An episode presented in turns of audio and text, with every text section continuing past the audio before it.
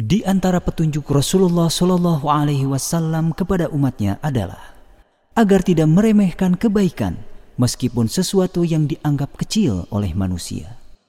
Begitu pula sebaliknya, agar tidak meremehkan keburukan meskipun sesuatu yang dianggap kecil.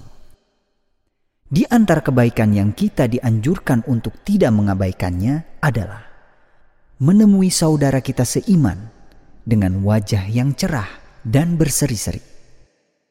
Abu Dhar radhiyallahu anhu berkata, Rasulullah shallallahu alaihi wasallam bersabda kepadaku, لا تحقرن من المعروف شيئا ولو أن تلقى أخاك بوجه طلق.